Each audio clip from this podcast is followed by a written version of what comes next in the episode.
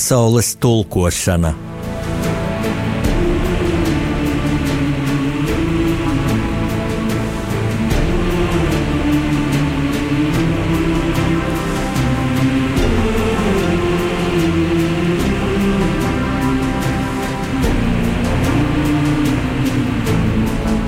Studijā rakstnieks Jānis Udris.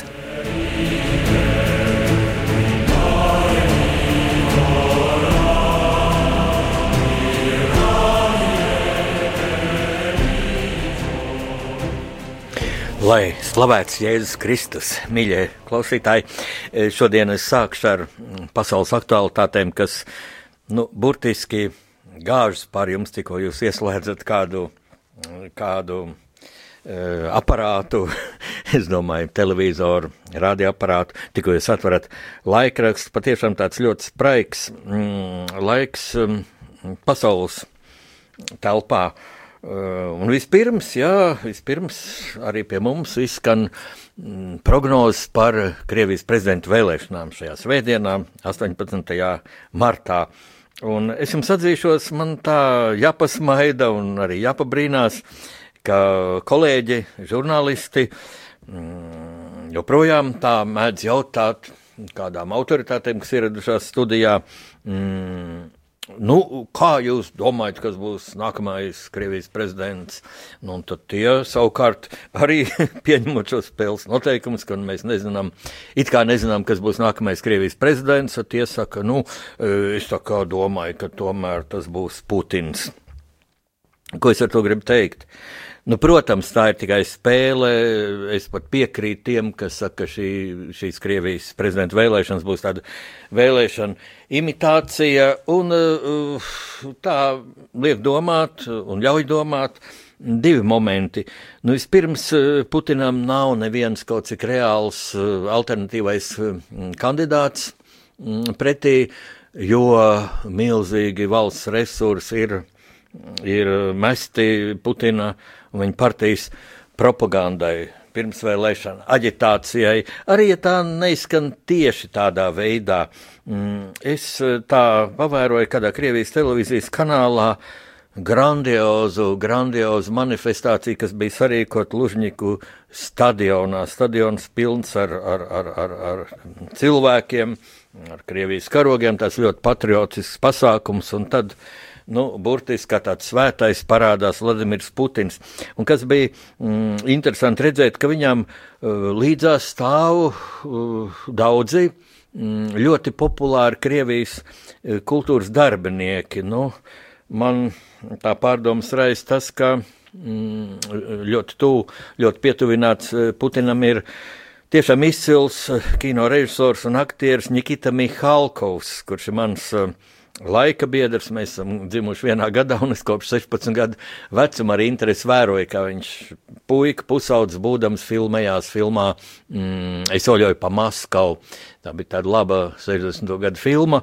Un, uh, Un es bieži tā domāju, cik, mm, cik veiksmīgi šim cilvēkam ir sakrits dzīves ceļš, piedzimt tādā, mm, tādā nu, ļoti talantīgā, ļoti prestižā ģimenē. Viņa tēvs bija, bija ļoti populārs eh, Padomju Savienības eh, dzinieks Sergejs Mihalkovs, viņš bija pēcreiz himnas vārdu autors, un, un daudz to nezinās, bet viņš bija arī faktiski padomju miljonārs, jo viņa dziesmas, viņa dzējoļi, viņa bērnu grāmatiņas tur tēvots Stjopa un tam līdzīgi tika publicēts cik milzīgās tirāžās, ka gluži legāli viņam, viņam nāca tik liela honorāri, lielā valstī, padomju savienībā un visās republikās šīs grāmatas tika tiražētas, mm, ka viņš bija jā, miljonārs. Tātad viņš varēja savam dēlam nodrošināt ļoti labu izglītību, ļoti labu arī tādu audzināšanu, jo tā bija ļoti tāda sirsnīga ģimene. Tagad arī par to var teikt, ka tā bija mužnieka ģimene, kas, protams, padomju savienībā bija jāslēpj un tāpēc šo Nikitu sauca Mihalkovs, tas tā, nu, tā, teiksim, pilsonisks skan, bet patiesībā mm, grāfu ģimene, tātad grāfs Mi Mihalkovs, kāpēc pie tā pakavējos? Nu, tā ir realitāte. Man, man faktiski žēl, jo šis Sergejs, šis Nikita Mihalkovs, es atceros tad, kad mm, sabruka padomu savienība, kad Krievija bija tāda vienu brīdi, nu, visnotaļ demokrātiska valsts, Un tad es domāju, lūk, šī spilgtā personība, Nikita Mihalkovs, lūk, tas varētu pats kandidēt par prezidentu. Bet ļoti interesanti ir tas, ka, lūk, Vladimirs Putins, viņš atklāti jau pasaka, ka padomju savienības eh, sagraušana bija vēsturiska kļūda, viņš gribētu šo padomju savienību atjaunot, bet kas to dos, nu tad viņš cenšas cenšas šo Krievijas impēriju apaudzēt Mm, ar teiksim, sev paklausīgām tādām mm, nu, mm, satelītu valstīm, sabiedrotajām valstīm. Nu, ja nepakļauj šīs valsts, ja teiksim, tādas marionešu tipa mm, līderus tauta nepieņem vai gāž, kāds bija Ukrainā, nu, tad ir arī. Tad arī līst asins. Bet atšķirībā no bolševikiem, kuri pēc cara gāšanas, ko viņi darīja vispirms, viņi iznīcināja inteliģenci un pie varas nāca Nu, tiešām neizglītot, tumsonīgi, bieži amorāli un, un uh, negodīgi cilvēki. Mm, dīvaini, bet Ļeņinam pieder tāds teiciens, ka viņa ideāls ir, lai katra ķēkšķa varētu pārvaldīt valsti. Nu, nevar katra ķēkšķa pārvaldīt valsti, to pierādīja Padomju Savienības liktenis, ka šī šāda tipa valsts, kurā katra ķēkšķa pārvalda, jo, jo bija. Mm, nu, tādas slepenas instrukcijas, ka lūk, PSRS parlamentā bija jāievēl, it kā vēlēšanās, formālās vēlēšanās, kas patiesībā bija teātris, un tur bija noteikti, cik procentiem jābūt strādniekiem, cik, cik kolhuzniekiem, tas ir zemniekiem un tā tālāk, tā kā nosacīt varētu teikt, ķēkšņi. Nu, lūk, šāda valsts sabruka, bet Putins, protams, ņemot vērā vēsturisko pieredzi, rīkojas gudrāk, un es teiktu, ka viņš inteliģents ir nopircis, jo tiem prominentajiem māksliniekiem Krievijā viņiem ir tādi. Nu, vienkārši ideāli apstākļi, plaši uzstāties, dzīvot ļoti vērienīgi un dabīgi, ka viņš šo režīmu grib saglabāt. Putina režīmu tas no vienas puses, no otras puses eh, redzams arī, ka šādiem cilvēkiem, nu, kā Nikita Mihalkovs, kurš, nu, es domāju, nīda padomju režīmu, tas viņam bija nicināms, bet ideja par Krievijas nu, impērijas atjaunošana, Krievijas agrāko robežu atjaunošana, tas viņam varētu ļoti imponēt.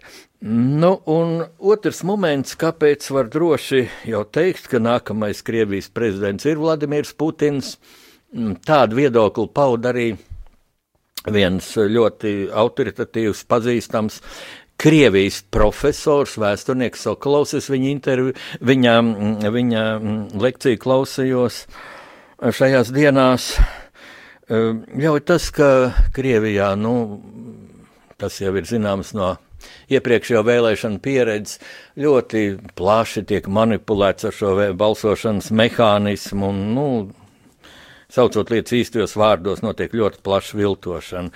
Ja Krievija mm, valstiskā līmenī viltoja teiksim, dopinga analīžu rezultāts Soču olimpiādē, kas tagad ir viennozīmīgi pierādīts, neapgāžam pierādīts, un tāpēc Krievija bija mm, faktiski tā morāli diskvalificēta mm, nesenajā Ziemas olimpiādē Dienvidu Korejā.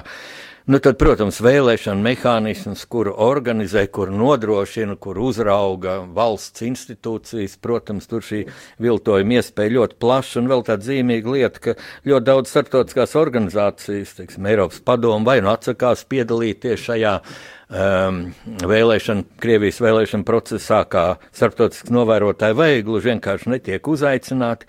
Tā kā runa ir par to, nevis ko ievēlēs, ievēlēs mm, Putinu, eh, runa ir par to, ar cik balsīm. Nu, un, Es tā domāju, ka šis balss skaits mm, tuvosies 80%, jo pēc pēdējiem mm, sabiedriskās domas aptaujas rezultātiem Putinu atbalsta un apmēram Krievijas uh, 80% no, no Krievijas iedzīvotājiem.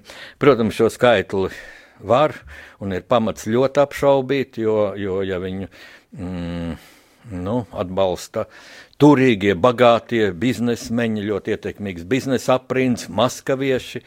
Jo ir tā, tāds viedoklis, ka Maskavā ir sakoncentrēta puse no Krievijas budžeta, un tas varbūt ir pārspīlēti, jo Krievija ir milzīga valsts un kaut kas jau jāatstāja arī provincei, bet ir fakti, ka Krievijas provincei un jo tālāk no Maskavas, jo izteiktāk tas ir ļaudis dzīvo lielā trūkumā un ka būtībā Krievija Krievija strauji tuvojas ļoti lielai krīzei, varbūt pat valsts bankrotam, jo šī Krievijas ekonomiskā politika ir ļoti tuvredzīga. Putins, lai nodrošinātu sev atbalstu ar ietekmīgās biznesa aprindās, un, protams, lai vairotu savu bagātību, kas ir liels noslēpums, bet tas, ka viņš ir ļoti korumpēts, tas jau ir pierādīts. Tāpat premjerministrs Medvedevs, tas ir galvenais opozīcijas arguments šī milzīgā korupcija. Eh, lūk, Putins dod ļoti lielu vaļu oligarhiem, un tie ir milzīgi mēroga oligarhi. Un ir tāds paradoks, ka ja Krievijas nu, galvenā eksporta prece joprojām, joprojām ir nafta, ir dabas gāze, Un tas ir arī ļoti bīstami, jo tikko šī naftas un dabas gāzes cena pasaules tirgū kritīsies, tā būs smags trieciens Krievijas ekonomikai. Tas jau savā laikā tika izmantots, lai sagrautu, lai sagrautu mm, padomu savienību, jo šo mehānismu ir iespējams iedarbināt Amerikas Savienotajām valstīm un viņu sabiedrotajiem, vēl, ja, ja panāk kaut kādu vienošanos ar arābiem, kam ir milzīgi ieteikumi šajā pasaules, pasaules tirgo šajā jomā. Eh, nu, tad būs Krievijai milzīgs trieciens, tas ir viens, bet otrs, ka mm, Krievijas ekonomika, kā lēš starptautiski eksperti, ļoti tuvredzīga, jo Krievi ar iekšējā tirgū uztur ļoti augstas degvielas cenas. Un jūs jau sapratīsiet, ka tas ar Latviju ir jūtams kā ceļus benzīna, dīzeļdegvielas cena, tā ceļas visu, visu lauksniecības produktu cenas, jo, jo vajag traktors darbināt un cits mehānismus. Un tiek bremzēta cik nozara attīstība un cik tālu, cik ilgi, cik droši valstī ir balstīties uz šādu lūk, mm, uh, degvielas un naftas eksportu. Un pie tam, jā, un par ļoti dārgu cenu pārdodot arī pašiem savā valsts iekšējā tirgu. Nu, bet te ir ļoti interesanta detaļa. Runa par to, jā, ar cik balsīm Putina ievēlēs, un es domāju tomēr, ka šis. Šis procents, kas, nu, protams, tiks regulēts, te jāpasmaida, ja kāds domā savādāk.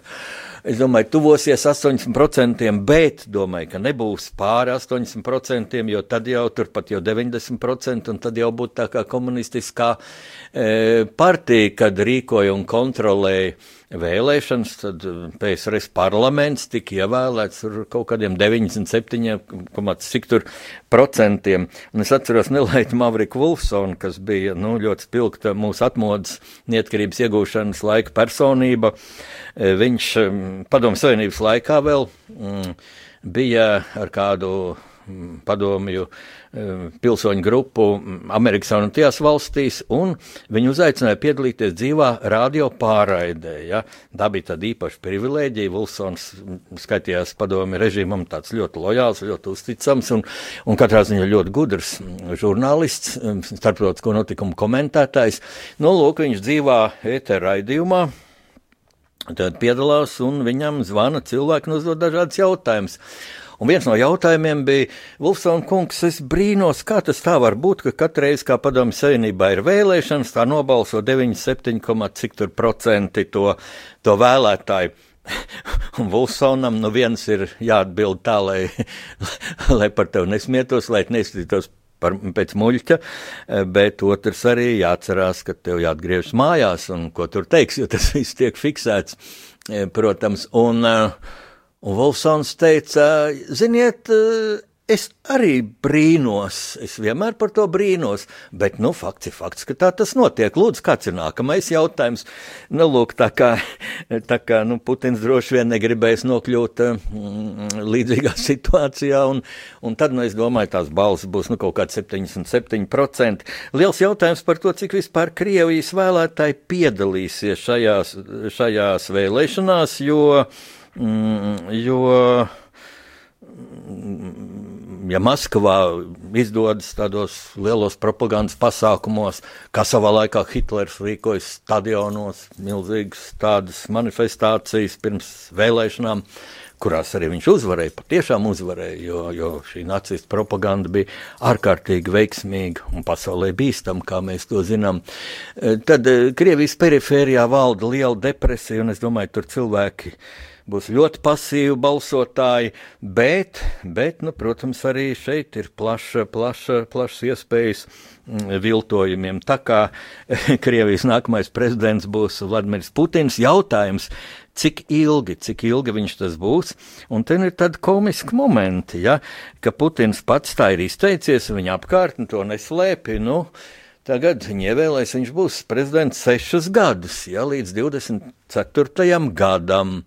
Bet pēc tam būs jaunas vēlēšanas, jo Krievijā nekas nebūs mainījies. Kaut ļoti iespējams, ka būs jau mainījies sakarā ar, ar tādu ekonomikas sabrukumu, kas varētu būt, nu, tad vēl ir tiesības pēc Krievijas konstitūcijas otrais tikt ievēlētam, un tad jau līdz 30. gadam. Bet tas komiskais ir tas, ko šis Krievu profesors teica, kad Putina komandā jau tā kā lēš, tad iztaisīja tā kā šādu rokādi, kādu mēs jau reiz pieredzējām, ka to pašu Medvēģevu, tādu mazu pakalpīgu vīriņu, Putinam pakalpīgu un reizē ļoti viltīgu, jo viņš šai pateicoties šai rokādei ir ticis pie milzīgām bagātībām. Lūk, tad ievēlēs viņu uz sešiem gadiem. Nu, tad atkal varētu divreiz sešus gadus būt Putins. Bet šajās, šajos aprēķinos, kam laikam jau ne tikai ironija, bet laikam tiešām kaut kur prezidenta Putina komandā ir tāda versija.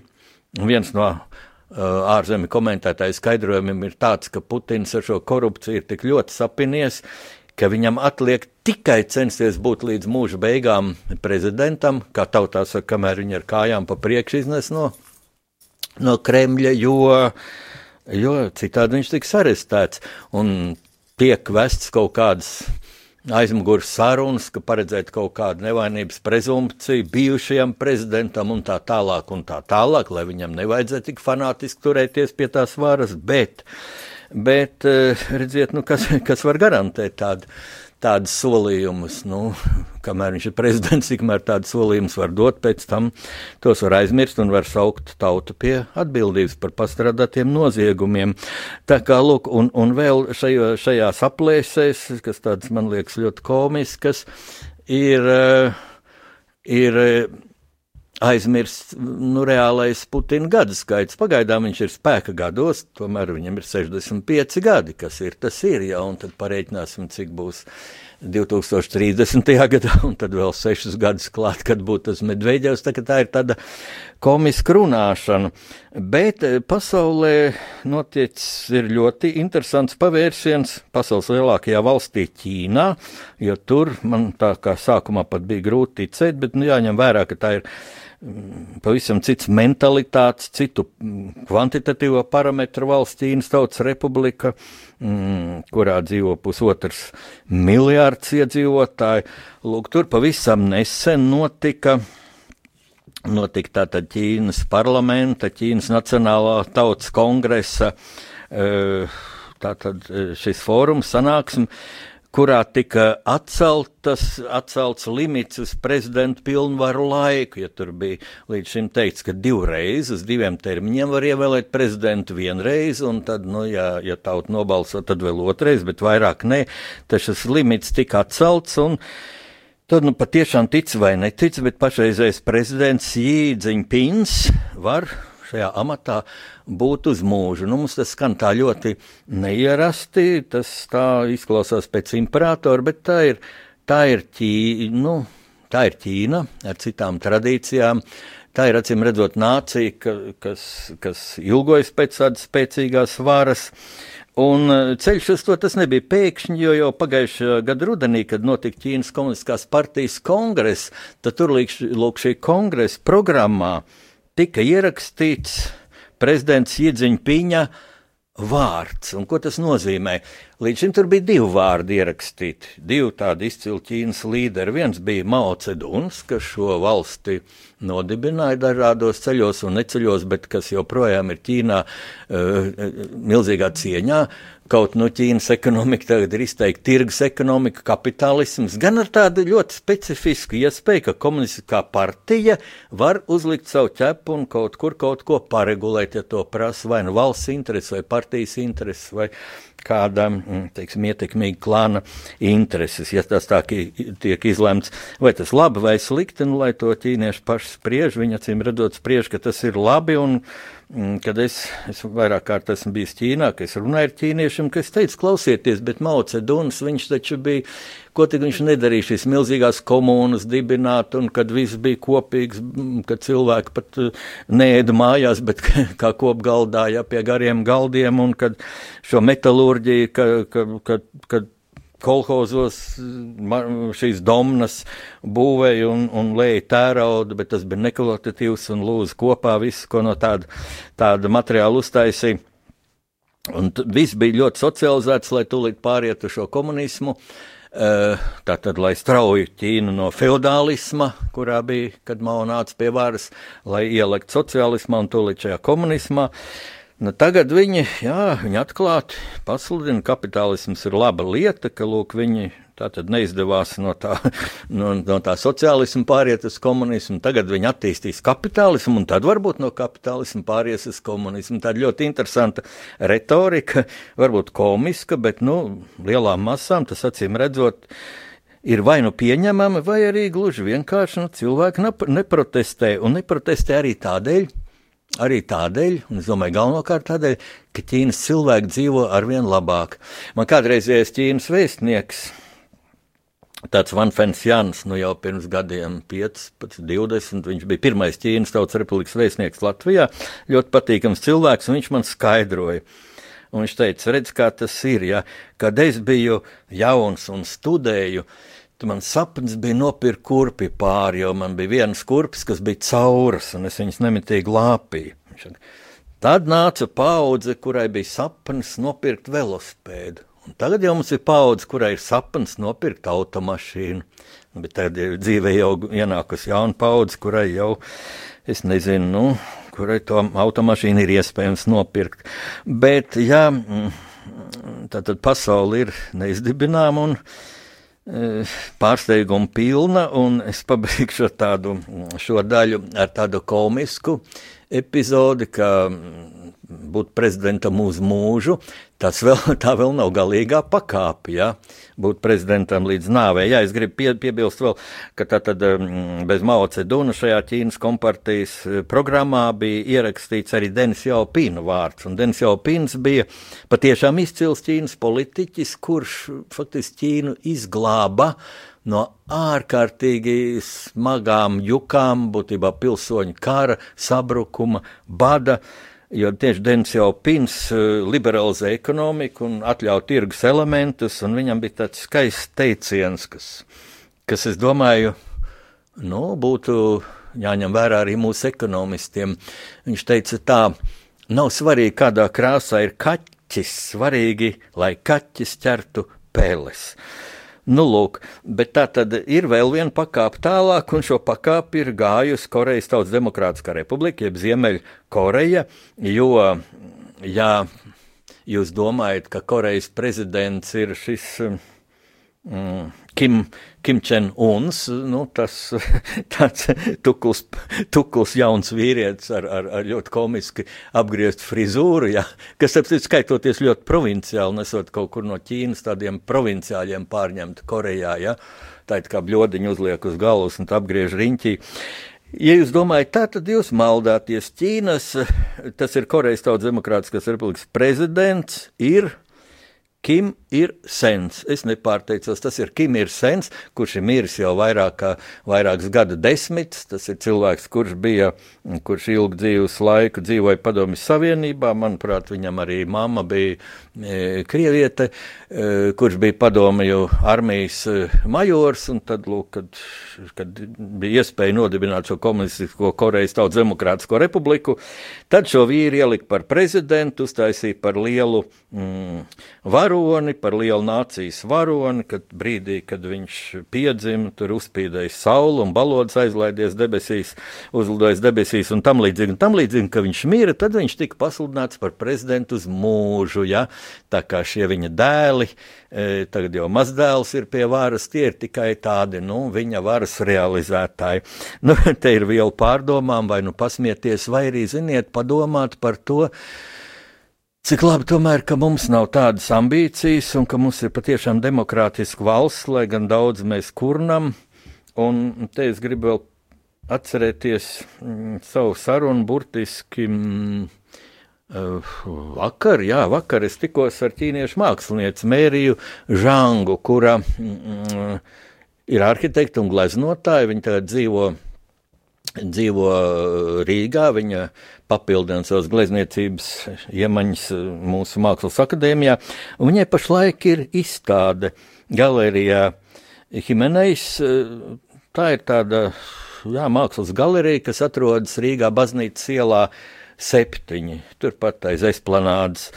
Un, kad es runāju ar viņu, viņa bija tādā sajūsmā un neviltotā mīlestībā pret Latviju, Un tā mīlestība redzam viņas eh, gleznās, viņas zīmējumos, kur ir brīvības piemineklis attēlots, kur ir daudz baznīcas, īpaši krusta baznīca, man patika krusta ba baznīcas glezna, biķera baznīca, mm, Krievu pareizticīgo katedrāle.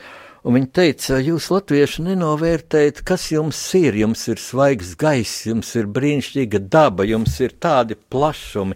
Rīga, uh, ir samērā neliela. Pekinā ir miljoniem cilvēku, Šanhajā miljoniem cilvēku. Tur ir tik grūti kaut kur aiziet, nokļūt. Jūs varat kaut vai katru vakaru iet uz kādu koncertu, jums ir tik brīnišķīga dzīve. Kāpēc jūs esat tik sapīkuši, kāpēc jūs esat tādi pesimisti? Jums ir visas iespējas smaidīt. Kaut vai tādēļ arī Jā, šeit es piekritīšu, un es arī viņai iebildu, ka daudz cilvēku dzīvo trūcīgi, un tas ir mūsu, mūsu nu, jaunāko, spēcīgāko, un pirmkārt mūsu valdības kauns, ka ir trūkumi cietēji vecie cilvēki, pensionāri, invalīdi, daudz bērnu māmiņas, bet tai pašā laikā čīkst arī jauni cilvēki, kam ir tiešām iespējas un vienkārši vajag strādāt, vajag strādāt. Nu, un tagad brīdis mūzikai.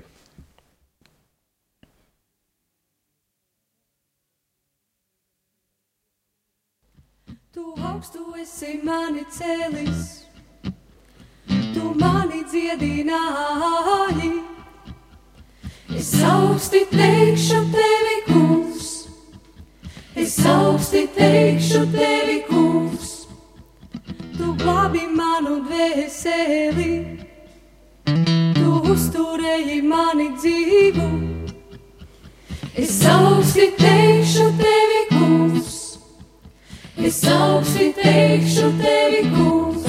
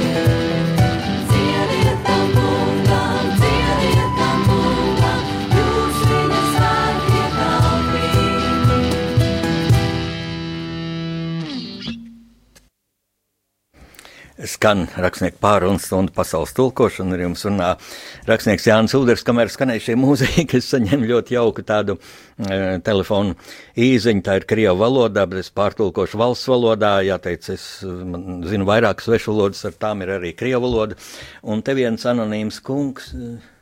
Ah, nē, nē, nav anonīms. Paraksts ir Vladimirs Putins, un viņš raksta: Liels paldies, ka, ka tā Uzra, uzra, uztraucaties par mani, ja?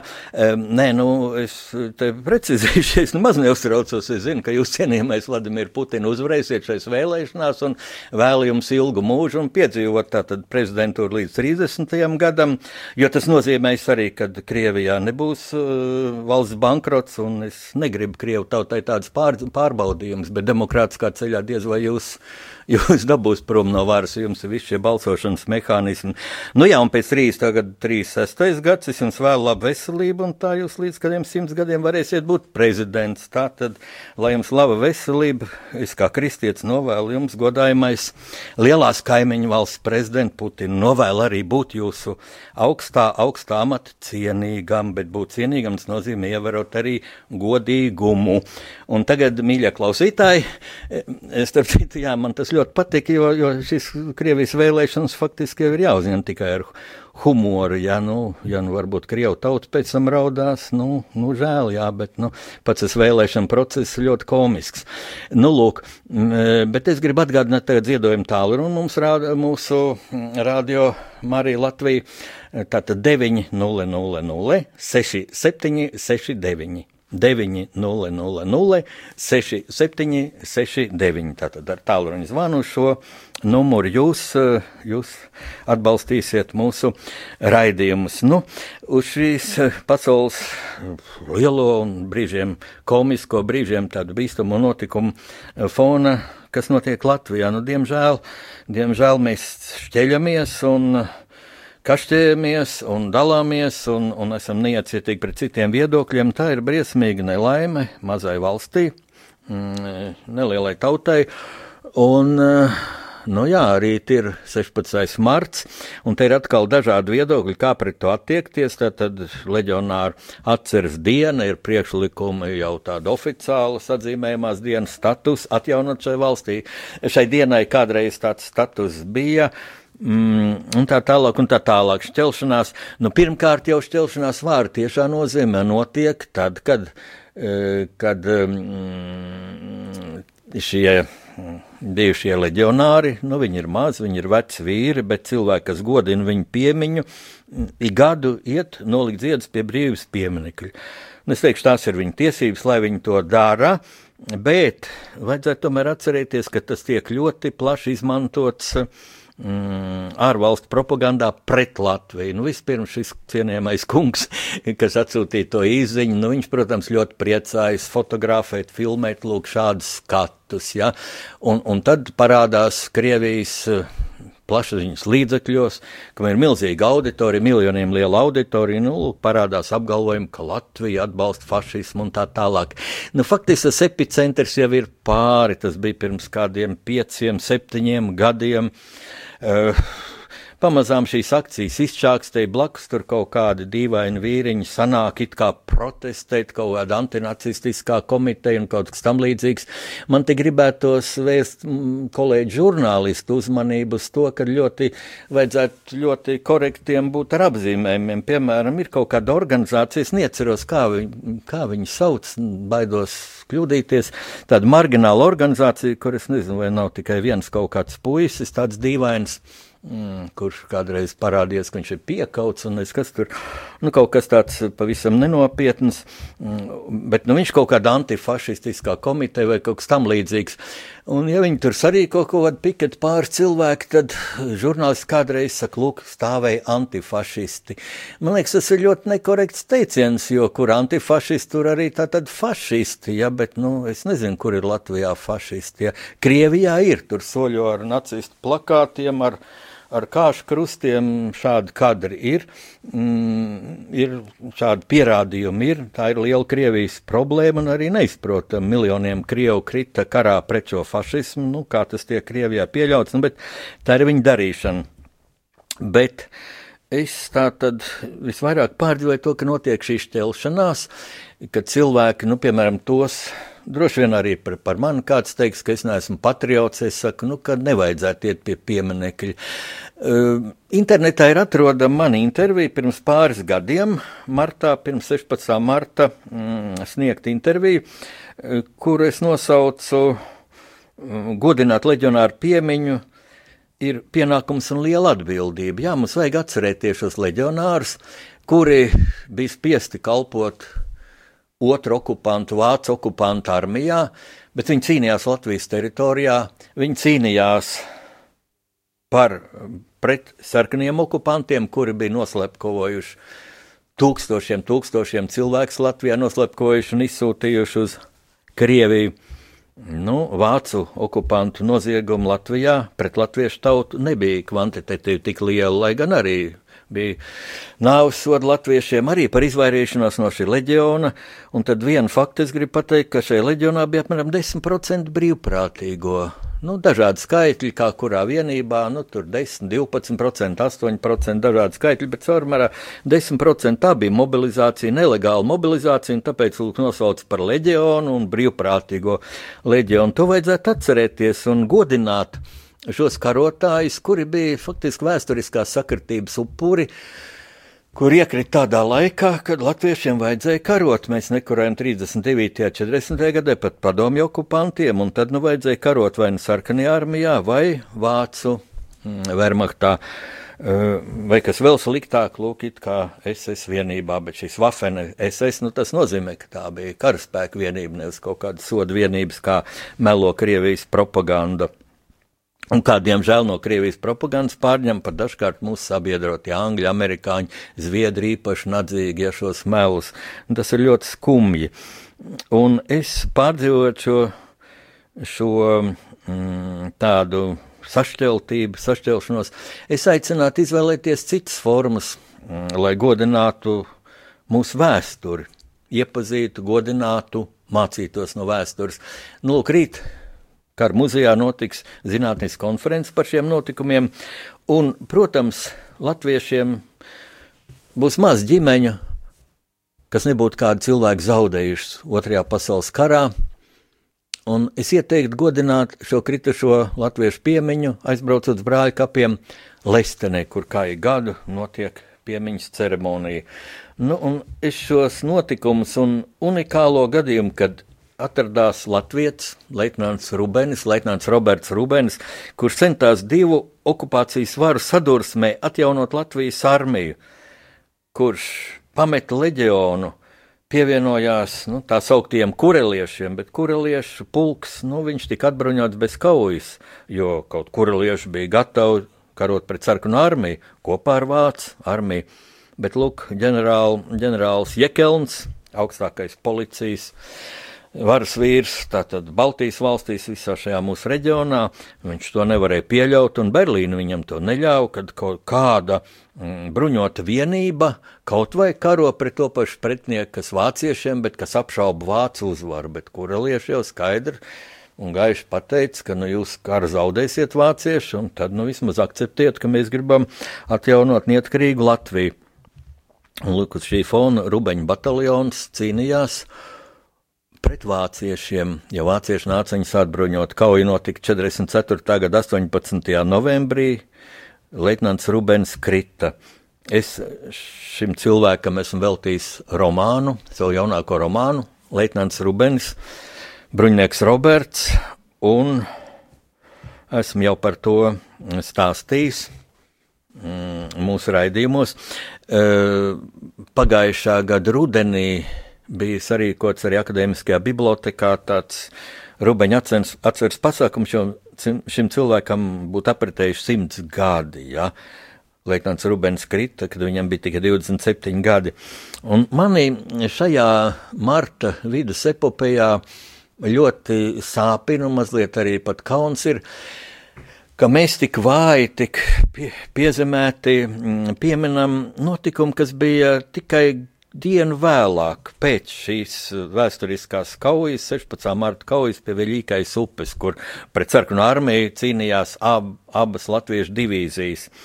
Proti 44. Eh, gada 17. martā tika publicēts mm, Latvijas centrālās padomes manifests, kurā 188 izcili pazīstami latviešu kultūras, mākslas, politiskie, sabiedriskie darbinieki ar saviem parakstiem prasīja Vācu okupācijas varas eh, iestādēm okupācijas varai, tā arī nosaucot Vācu, mm, Vācu administrāciju par okupācijas varu, prasīja nekavēties atjaunot reālu Latvijas suverenitāti un atļaut izveidot Latvijas valdību. Šo centrālo padomi mm, vadīja Konstantīns Čakste, uh, Latvijas pirmā prezidenta dēls, profesors. Un, Ļoti interesanti, ka šie notikumi e, risinājās šeit mums ļoti tuvu, burtiski blakus mūsu radio Marija Latvijas studijai, jo Latvijas centrālā padoma tika nodibināta 43. gada augustā. Torņkalna ielā 15. Tā ir māja, kurā tagad atrodas eh, Torņkalna privātā mācība iestāde. Uz šīs mājas ir piemiņas plāksne, un burtiski mēs pie tās mājas varam iziet, ja, ja ejam ārā no Radio Marija ēkas, no katoļu ģimnāzijas vecās ēkas, nevis pa lielajiem vārtiem, kas iziet uz Vāciešu ielu, bet it kā pa sānu izeju, mm, kas iziet uz Torņkalnielu. Lūk, šo vietu vajadzētu gan zināt katram skolēnam, katram jaunietim, katram latvietim. Tā ir svēta mums. Nu, lūk, raidījums, raidījuma laiks neglābjam beidzas, un iznāk tā, ka man ļoti maz laika paliek izpildīt savu solījumu, kas bija programmā pieteikts par vietu, kur mm, savus dzīves nogali aizvadīja Jēzus Kristus māte, jaunava Marija. Es negribētu, negribētu šo fragment, kas ir iekļauts manā pirmajā grāmatā, manā pirmajā grāmatā, kas iznāca 2004. gadā, pirms 14 gadiem, es negribētu šo fragment tā apraut, tāpēc es to atlikšu nākamo reizi, tikai paskaidrošu, ka šī unikālā iespēja būt jaunavas Marijas pēdējā dzīves vietā, par kuru esmu pārliecinājies, daudz nezinu. Uh, šī iespēja man radās žurnālistu gaitās. Es biju mm, kopš 93. gada Latvijas valsts oficiālā laikraksta Latvijas vēstnes ārpolitikas redaktors, un viens no maniem pienākumiem bija atspoguļot mūsu valsts prezidentu valsts vizītes dažādās valstīs, un lūk ar prezidentu Guntu Ulmanu, kurš to, to laiku bija 1998. gadā, es biju valsts vizītē Turcijā, un atzīšos, es pat nezināju, ka Turcija, Turcijā, bijušajā Mazāzijas teritorijā, netālu no tagadējās Izmīras pilsētas, atradās vēsturiskā Efesas pilsēta, Efesas osta, un netālu no turienes ir arī vieta, kurp pravietis Jānis pēc Jēzus Kristus nonāvēšanas, mm, kad kristiešiem bija jāglābjas, aizveda arī jauno Mariju. Man tur bija ļoti tādi interesanti Mm, es pat teiktu, pateikt interesanti, tas nozīmē nepateikt neko. Ļoti dziļas izjūtas, ļoti dziļas pārdomas. Un tās es aprakstīju lūk, pirms desmit gadiem, pirms, ne pirms 14 gadiem, savā pirmajā grāmatā, kas saucas No Berlīnas mūra līdz 38. paralēlē. Šī grāmata, protams, sen jau nav veikalos, tā ir sen izpētīta izpārdota, bet, bet jūs to varat atrast bibliotekās. Tātad no Berlīnas mūra līdz 38. paralēlē apgāds Jumava 2004. gads. Tātad nākamajā mūsu raidījumā es apsolu šo fragmentu nolasīt pilnībā, bet tagad, tagad es nobeigšu ar, ar savām izjūtām ar savām izjūtām, šī fragmenta beigas. Ja. Neba no labas dzīves dievmāte pēc dēla Golgātas ceļa atstāja dzimtās vietas, lai kopā ar apustuli Jāni dotos uz apmēram pusotru tūkstotu kilometru tālo Mazāziju, lai šeit, kalnu klusumā, vientuļi aizvadītu savu mūžu nogali. Droši vien daudz kristiešu šajā vietā līdzīgi man iedomājas, kaut es būtu dzīvojis tajā laikā, es aizietu pie viņas. Es viņai pateiktu daudz labu vārdu, un mēs arī pateiktu. Tagad, tagad mēs tos pateiktu. Ja jau ap divi miljoni ticīgo i gadu atbrauca šo asketisko mūra namiņu kalnos. Bet cik daudz labu vārdu mēs pasakām saviem laika biedriem, vispirms jau saviem vecākiem, kuri dāvājuši mums dzīvību. Un cik, un cik zemu noliecam galvu savu vecmāmiņu un vecētiņu priekšā. Vien tad, kad kāds no tuviniekiem aiziet mūžībā, mēs pēkšņi apjaušam nepaspēju. Pēkšņi sajūtam, kāds nepārvarams laika attālums mūs tagad šķir, bet vēl pirms brīža taču bijām kopā, tepat līdzās šajā laikā un šajā telpā. Nepaguvām, jo steidzāmies dzīvot. Ar to es arī atvados, lai Dievs jūs svētī un sargā, mīļie klausītāji!